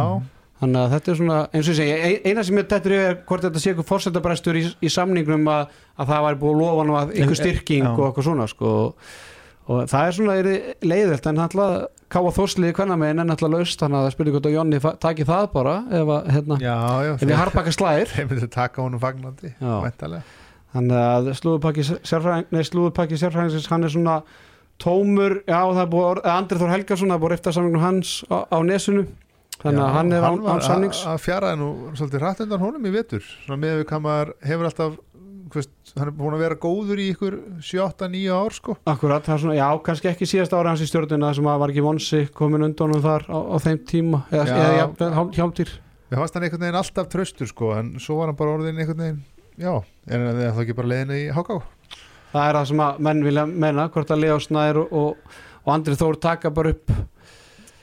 tóli og ringi basta komum bara heim í, í, í kórin og, og spilum með nýlum háka það er svona spurning A Ari Sverrir hérna leikmannu í stöðun hann er farin í háka já, ok, Ari Sverrir hvers hún er þetta sem spilum með haukum og Salfossu undanvarðan ár og var í stjörnun í, í fyrra eða þessu tíðbili Herðu, uh, ég held að við séum tæmdir hvað þetta varðar í lók þáttar allavega að heyra í Sverri Eyjólfsinni þjálfara fjölnis uh, við erum að leiðin í ottaleg strákar í grillinu, í umspilinu e, já er ekki spenntir? ég sef alveg, ég veit ekki henni það Hvernig er hann? Hann er á sunnudaginn á 2 Ok, það er þetta Bara- okkar, okkar allra besti Andri Berg stendur vaktina Já, já, og Jón Gunnlaug náttúrulega á hliðalínunni já, Þeirra- Verður- verður Davíð Már á, á mæknum að lýsa? Ég trú ekki öðru Gætir einnig að vera að hann sé fyrir norðan á okkur sjötta kvennamóti Já, en við erum aftur að fara að fá tveir upp, tveir niður Já, já, þú, gle- þú glæðst við því það er a- alltaf gaman að, að hérna, fá nýja nýlið og kynna svona nokkru leikmennum svona í eitt ár já, sko,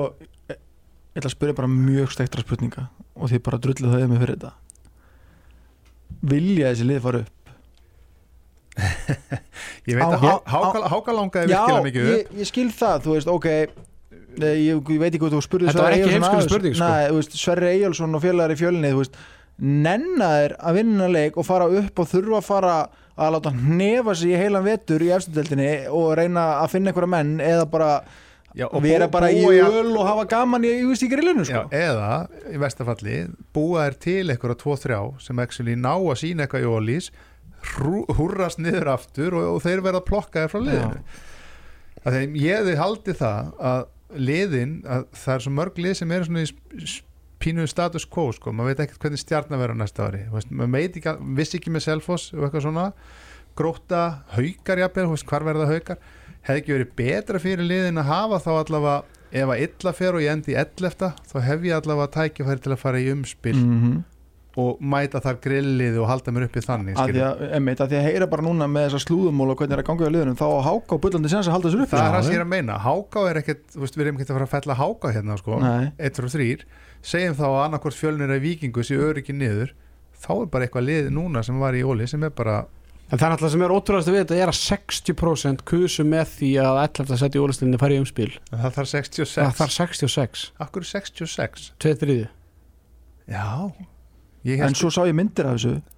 Það voru Þetta var náttúrulega- bara eins og bara, eitthvað, bara gott þú veist, Þetta var svona ammælisvesli hjá bara stráknum mínum Þetta voru bara svona, það voru svona 40 mann sinni herbyggjarni hérna. Þetta var ekki, 63 eða eitthvað, voru 40 sem þetta var kusu. voða eitthvað svona Já, Já, þetta er spes Ég hef svona yfirleitt í svona kostningum þá er það bara meiri hlutin sem ræður sko Ég meina ég er að horfa á myndina, þetta er bara eins og í góðri fermingavislu já það er bara öllum að engum bóðið og, og þú veist það þetta er bara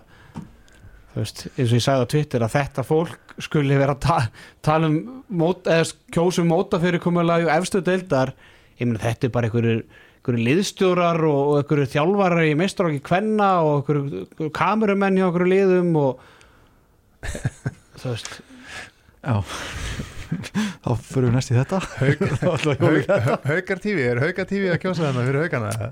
Nei, mér sýr Það er self eins og segið, þú veist, já, ég bara, þetta voru gaman að sána leik uh, bara vonandi, bara er metnaður í öðru hverju liðinu fyrir að reyna að fara upp og gera vel ég myndi þá Þú ert ekki eftir búin að leiða mér að svara spurningun samt sko Eh, Þú sagðir að þetta var ekki heimskulega spurning Nei, en Nei. ég svaraði samt ekki spurningunni Já, Já, ok, uh, vilja þessi lið fara upp? Nei. Hvorut? þjálfarinn vil ég fara upp Já, potjætt Já, að því að þú veist, það litla svona sem ég hef svona náð að fylgjast með vikingum en að þetta er gamall lið Já, Andri Berg já, ég og meina- Jóhann og- og- Jóhann Ég Reynir meina, Nei, Andri- hann er það Ég sé, Jó- ég sé Andra Berg ekki spila í Jólastildu næsta ári Ég sé ekki Jóhann Reyni spila í Jólastildu næsta ári Ég held að hann segi þessu bara gott Ég sé ekki Kristján Orra spila í, í Jólastildinni Er Jón Hjálmarsson eftir þarna? Jón Hjálmarsson er þarna og hann er alltaf ekki eða þú veist, jú, hann spilaði með þeim síðast en hann er svona Gunnar Jónsson Gunnar Jónsson er þarna Já, þú ég, veist. þú veist, Haldur Ingi þú veist, það er eitthvað ástæðan fyrir hann fór í grillið í Viking hægur hotnambar úr haukum Já, já, já. þannig að þú veist, og þetta ég, þetta verður skrítinleikur en þú veist, ég held að vikingarnir siglu svo heim það það er búið að trublu stemming á þessu leik Ég held að þetta vilja að vinna leikin og svona Já, þeir vilja allir vinna og Já, fagna já, og það já, er ekki já. spurning sko, og bara, en En svo bara tekur hversu raunveruleg- margir taka slagið með þeim síðan í efstudildin er síðan önnur spurning Já, og, svo ertu bara í februar að velkjast í, í raunálfi og leiðin út í eigjar sko, að fara að láta nefa þeim með 20 mörgum sko, þá, þá er það svona allt annað en að vera að sprella núna í mæ sko, en ég, ég skilða alveg að menn séu svona ekkert mikið spennt yfir því. Þetta ársting, er það bara eitt ár í einu? Það getur við reynda að laga þetta aftur á næsta ári eða er, er Já, þetta já. tekja, já, þannig að við bara aftur á næsta ári ég held það, Get ég mætt? basically Já. basically sko, Get ég ekki komið sem eitthvað fulltrúi, eitthvað sliðis, íhá eða eitthvað? jú, Kordrengja? hvort er ekki Já. Herðu strák, ég ætla að heyra í Sverri Ejólfsinni uh, önnur umferðin og undanúslutum um Íslandsmertatitilinn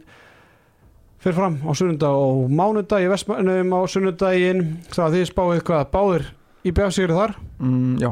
Já, ég ger það. og í hefnafyrirum á, á mánundaginn hvernig fer haukar afturlík Ég held að haukar haldi haus í þetta skipti og vinni með einu til tveim mörgum.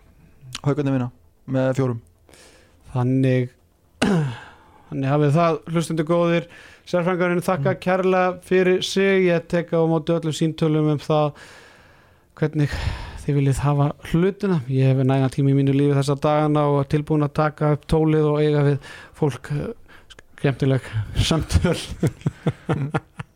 sem þú, þú reyndar að ringi með hann ég reyndar reyndar ekki að svara þannig við getum tekið það samtal bara síðar Tökum Mhm. bara óp í umræðina eftir mann, ég sér þetta. mm Já, með mönnum sem að þóra að tala Hættu svo að leggja mér orð í mun að að ég sé að segja eitthvað hluti en off mic Ég er hún þreyttur á þessu Já, á línunni hjá mér er Sverrir Eyjálsson, þjálfari Fjölnis sem er á leiðin í ottarleiki umspilunum sæti í Ólisteil Karla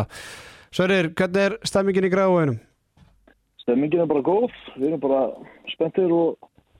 og tökum bara öllu leikir sem við fáum bara með glöðu geði og erum bara spenntir að mæti þetta verkefni. Já, þú hérna, þið lendir 2-0 í þessu ein- eh, 2-0 undir í þessu einvi og, og, og komið síðan tilbaka með síðustu tvei leikir hafa alltaf verið ótrúleir fyrir framann bara kæft full íþróttahúsin bara hvernig finnst þér svona strákarnir hafa bröðust við því mótlæti að hafa lengt 2-0 undir og, og hvernig sér þannig leik fyrir þér á, á sunnundaginn? Sko bara rosa vel, við náttúrulega fyrstileikurinn að vera svolítið mikið kjáftsök sko og steinleikjum eða þar sko og síðan þá hefur þetta verið bara,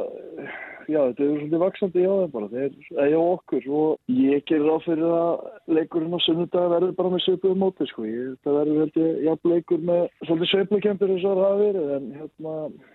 ég planaði hjá okkur en að skemmi eitthvað partíð hana en,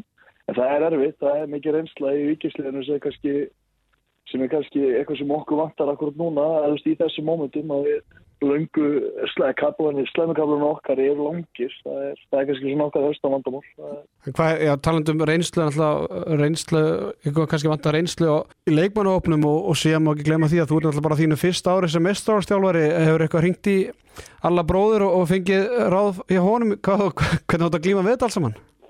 Já, já, ég, hérna, ég er í góðu sambandi við alla og hérna, hann gefur mig góð ráð og, en það er samt, eins og þú segir, þetta er náttúrulega rétt bara, það er, þegar maður stendur samt á hliðalínu, þá er maður bara einn sko og ég er búin að gera fullt af mistökum og ég er náttúrulega sjálfur bara að- að stíða mig fyrsta skrifin eins og þú segir og reka mig á og læra að því og hérna, þannig að það er það er það, en jú, ég, ég, ég fæ góð ráð frá bróðum mínum, það er, það er rétt Síðasti leikur náttúrulega fór í tví framlegdan leik og enda síðan í vítakeppn og það var ekki nóð því að þið þurfti að fara í bráðabana hvernig, bara, hvernig var upplöfun það var því mjög leikurinn var ekki síndur ég verði nú að lasta ykkur fjölinnsmenn fyrir að vera nú ekki með TV það árið er 2023 en, en maður þurfti að bara láta það duga að fylgjast með þessu á- í beinu textalýsingu og handbólt.is mér leiði svona eins og árið 2001 en hérna hvernig var bara stemmingin og, og bara þú veist fögnuðurinn þarna eftir, eftir þetta allt saman Hún var bara æðisleg, það er hérna, það er bara léttið mönnum en það sem var skemmtileg, skemmtilegast í þessu fyrir mig og hvað ég var stoltastur yfir var bara að ég heldur séum konur langlega með að tapa þessu leik fjóru sinnum og þeir koma alltaf aftur og aftur og það kannski hefur verið meira vandamál í okkur í vetur að, að við höfum verið svolítið brotættir sko þannig að þetta er klárlega, klárlega styrkleikamerki í okkur og hérna og mikið þroskamerki fyrst mér en hérna en þetta var já, það var ég skal viðkjöna að þegar leikur og flaut þar á og maður sestu niður að, að maður var svolítið tómur tilfengilega eftir þetta þetta var, þetta var hörku leikur, þetta var rosalegur sem manni Mm, það er Og náttúrulega, og það hefði verið grátlegt að að dett út og bara missa af sæti í ólistildinni á, á þennan hátt. Já, já, algjörlega, en það er hérna, en samt eins og ég segi, og ég sagði við strákan eftir leik 2, við, við tökum, tökum næsta leik, en síðan erum við að orfa á þetta líka þannig að við erum að smíða okkur einslu og, og erum að læra svolítið as we go og hérna, þannig ég get ekki alltaf til þess að strákan í mæti þannig að eins og við séum búin að spila mestarlokk í, í 15 ár, sko, en hérna, en við ætlum bara að sjá, við, við mætum á sunnudaginn og ætlum bara að gefa allt í þetta og sjá hvað það kemur okkur langt. Ég hef aðeins verið að tala um þetta umspil, á, sérstaklega á samfélagsspilum og mikið náttúrulega í þættinum í vetur þar sem að, já, og og náttúrulega við erum búin að ræða- ræða í þættinu núna að- að 60% af þessu kus og ástingi há síðustu helgi vildu fá 11. sæti í ólistildinni inn í, inn í þetta, hérna, inn í þetta umspil og, og tölfræðin segir okkur það að tíu af síðustu tól nýlum í ólistildinni hafa fallið og, og það nokkuð svona sannfærandi hvernig horfur á svona á framhaldið bara bæði ef þið fara upp og vikingarnir þú veist að að greinilega bara tvö jöfnlið sem er, eru annarkort að fara upp þú veist hvernig sérðu svona framhaldið bæði já svona aðalega kannski þín, þín megin frá Sko ég, sko ég ætla nú að byrja á að spila leikinu sunnudaginn áður ég fer eitthvað að pæli því en samt sem áðum ég var bara punktur þessi bjarni kom með í þættinum hjá öðrum daginn með sannfrápar að leikmannamáli eru meira á minna búin þannig að ef þú nærri inn einhverju budget eða eitthvað þá er bara lítið að leikmannum í bóði og, og ég að mörguleiti mörguleiti bara sammála þessu ásamt auðlýskerfinu það er bara margt sem þarf að breyta og það þarf að vera Eh, skilur þessi, fyrstu, eða þessi lið sem festast í þessum fyrstu deldar rússipanna upp niður, upp niður þú veist, þau verða bara þau verða bara stöð fyrir aðra klúpa að segja sér leikmenn sko, sem er bara að fá eitt ár og fá að þroskast og svo þá eru þau klárar að koma inn annars þar og það fara að finna einhverja breyting á þessu sama hver hún verður sko en það er, þetta er ekki staðan er bara ekki nógu góð held ég eins og akkurat þessum eins og hún er núna sko. Mm, eins og ég orðaði á Twitter í dag þessi félög sem er í þessum rússipan annarkort fast í grillinu eða, eða að sérstaklega sem fara upp og falla niður þeir eru bara svona æti fyrir þessu betri lið sem að kroppi þá leikmenn sem að eru með reynslu í ólisteldinu og hafa staðið sér vel þrátt fyrir að hafa fallið Já, já, og það er klálega þannig og það er, og við sjáum það alveg, að það eru lið, lið koma upp og, og það eru 23 leikmenn sem springa út og, og þroskast mikið á stöðstum tíma og já, og því miður og þá liðin sinni bara niður og fara eða bara svona að ertabótt, sko og, og þá líða það með 3-4 ár og þá gefum bara næsta bats og þetta er náttúrulega ekki nóg gott og það fara á eitthvað, eitthvað að finna einhverja lausna þessu og hvort það sé að fá alltaf að setja í umspilið á móti sigurverðunum í- hjá okkur eða skilur Mhm. hjá hérna öðru til þriðasætti, það er kannski það var nú svona fyrir ekki svo mörgum fyrir einhverjum tíu árum eða eitthvað eða svo mm -hmm. þegar við í stjórnunni vorum að þá vorum við að reymbast í þessu, þá spilum við aftur undir kvöldi tvist og töpum einu svona mótið þeim og þá erum við bara, þú veist, þá erum við bara gæmlega ekki nóg góðir, það er Akkurat, en, en bara svona að- að lokum, þú veist, þú- þú náttúrulega hlýtur að, að- að hvetja bara alla til að mæta í- á ottalegin á, á sunnudagin og býst náttúrulega ekki við öðrun en bara stútvöldri, djúsmýri og, og þvílíkri spennu þessir leikir, sérstaklega síðustu tveir og, og jafnvel síðustu þrý leikir hafa verið bara háspenna lífsæta. Já, þetta er bara búið að vera ótrúlega skemmtun og hérna, ég mæli með því að fólk náðu sér bara í með þessi fyrst, það er byrjað að selja inn á stöpp.is og hérna, Ég, húsi verður smekkfull, það verður algjörlega að vera læti, það verður tvölið sem alltaf skilja alltaf eftir á vellum og þetta verður bara, þetta verður bara ógæslega gaman Mm. og, og eins og ég segi, ástæðan akkur við spilum hennar leik, sko. það Já. eru svona moment, sko. Akkurat, þetta er, þetta er bjútið við kannski, já, eina fám bjútið við það að vera í grillinu, það er þetta, þetta umspil sem að það er síðan hægt að gera ennþá betur eins og við tölum um á hann, en, en Sverri Egilson þjálfari fjölunist, takk hella fyrir að taka upp tóli og ég segi bara gangi ykkur vel á, á, á sunnudaginn og megi betra liðið vinna, Já, bara ekki málið og takk fyrir það, Karlin. segja það Takk Bye-bye. Já, sagði Sve- Sverrir Eyjólfsson þjálfari fjölnismanna Þátturinn í kvöld verður ekki lengri að sinni Benny Bondi og Stimmi Snikkers eru farnir heim bara í kóju henda klukkan að slá í, í miðnætti Sjarfræðingunni þakka kærlega fyrir sig að að þessu sinni Við verðum hérna aftur eftir aðra umferðina í áttalúslutum, nei undanúslutum í ólisteldarann og þá verður komið í ljós hvort fjölnir eða vikingur munu spila í ólisteld Karla á næsta ári en já, ég þakka bara kærlega fyrir í byli og verið sæl